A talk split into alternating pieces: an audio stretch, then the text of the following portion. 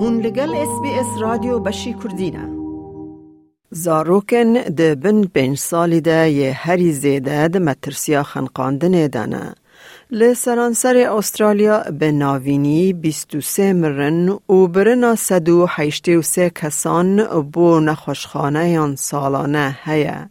فیرکرنا آجنیه بو زاروکی گلکی گرینگه جبو اولهی آوان به تایبتی دما کل جهکی کو تولیبونا چالاکین آوه به گلمپری هنه. لا استرالیا بی کو تمن یان خبرت ببن آستنگی و بجار کنه که زاروک جهاتی بونن پیویست پیش بخن. چه لبر آوه آنگو بیچ جم گولن آوه یانجی لحوز حریمی بی هبون او لیستنا لدور آوه پارچه کی بنگهین یا مزمبونا زاروکی لأسترالیا لی مخابن هر سال خنقاندن زاروکان چه دبن.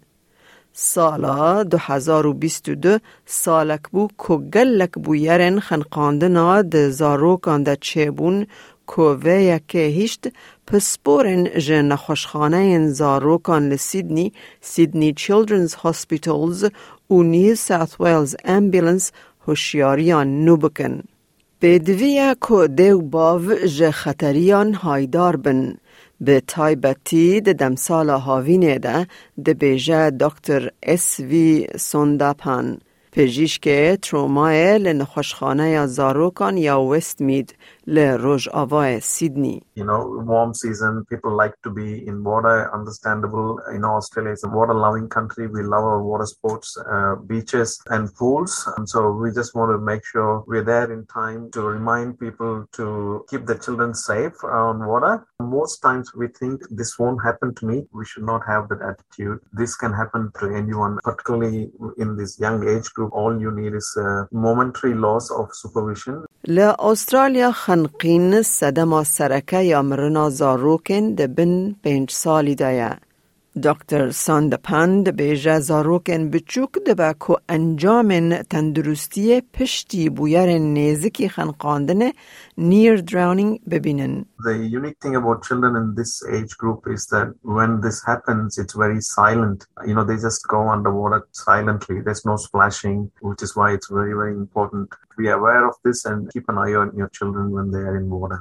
We obviously know if you're there underwater for three minutes or longer, you're likely to have significant neurological damage. But even a short period can have an effect on the learning abilities of a child. ستیسی پیجن ریو برا نتوایی یا لیکولین و سیاست رویل لایف سیوینگ او دبیجه فاکتور سرکه ین پیشیلی گرتن جاودیری یا چالاکه زانینا سی پی آر اوجی هاتی بونا آلیکاریا یکم. فرست اید جبو دو باوان.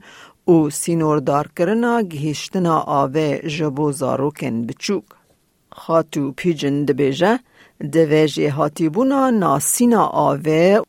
بونا درباره دربار اولهی آوه. ببهیمانه که بنگهین یا درسن آجنی جبو همو کومن تمنی. So it is really important when parents are looking for a swim school or a swim program that it includes both swimming and water safety skills. So things like learning to float, learning to go underwater, how to rescue uh, someone without putting yourself in danger, and also knowing who to go to and, and who to call, whether or not that's triple zero or going to lifesavers. چارچوبه آجنیه و اولکاری آوه یا نتوی واتا نشنل سویمینگ اند ووتر سیفتی ناونیشه که برفره یا جهاتی بونن که دوه زاروک لگوری تمن خوا پیش و ببن دست نشان دکه. پیوان هم کانبونن دوراهی آجنیا سینوردار و به دست خستن اولهی آوه و بهرين ساغماين ودحوينة. Three key benchmarks, but the big one is by the age of 12, a child should be able to swim 50 meters, float for two minutes, and also perform a rescue and a survival sequence with clothes on. There are benchmarks also for six year olds and then once you turn 17 as well, but really we want to make sure that kids by the time they leave primary school have those key skills. لسرانسر ولید منهج خواندگه جزاروکان را فرسند پیدا دکه که ده پروردهی خواندگه ها سرطایی ده دهن خالاند برنامه که آجنی و اولهی آوه پیشکش ببه. لگوری برندن وورد بره و بره سرکه یک کومله راه نرو مامستین استرالیا what Australian Swimming Coaches and Teachers Association za rokdekarën për zu ave. Water familiarisation can start from as young as six months old. In fact, many swim schools are starting even earlier than that. And that's about getting the children comfortable in the water and getting them to a stage when they get those foundation skills they're ready to learn. So from about three to four years of age is a really great time when kids are starting to really build those foundation skills skills around water safety and learning to swim and floating and those sorts of things.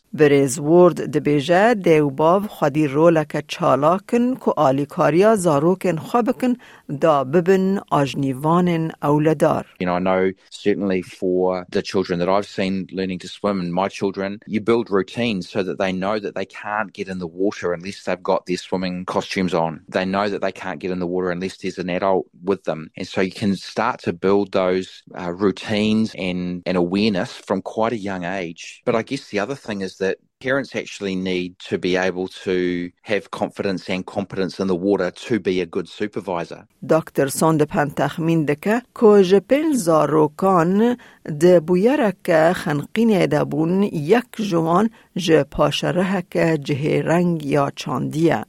وکی کسکی کل استرالیا در سن آجنی ورگرتیه او هم دیوباو و هم جی زاروکان تشویق دکه که ده زودترین دم ده بشداری درسن فیربونه ببن. After coming to Australia, I did some lessons just to be able to float a little bit in water. So it's likely there are many people like that from culturally diverse backgrounds where the parent cannot swim But luckily in Australia, we can get children into the water in a safe environment. There are classes available from infancy onwards. So, you know, starting early is actually good because when they're living here, they are likely to come across water bodies and involve themselves in water activities. خاتو پیجن پیشنیار دکه که دیو باو جبو درسن آجنیه ین زاروکن خوا جواو چرن ورزش ین که جویلایت و حریمان پیدا دبن سوده ور بگرن. For example, in New South Wales, where there's active kids vouchers, they can be used for swimming lessons. The first lap vouchers in New South Wales are for three to six year olds to access swimming and water safety lessons. And then the Northern Territory also offers swimming vouchers for children under the age of five as well. مینا هر چالاکیه که قید کرنا زاروک ده درسن آجنیه ده هن لیکولین دوین.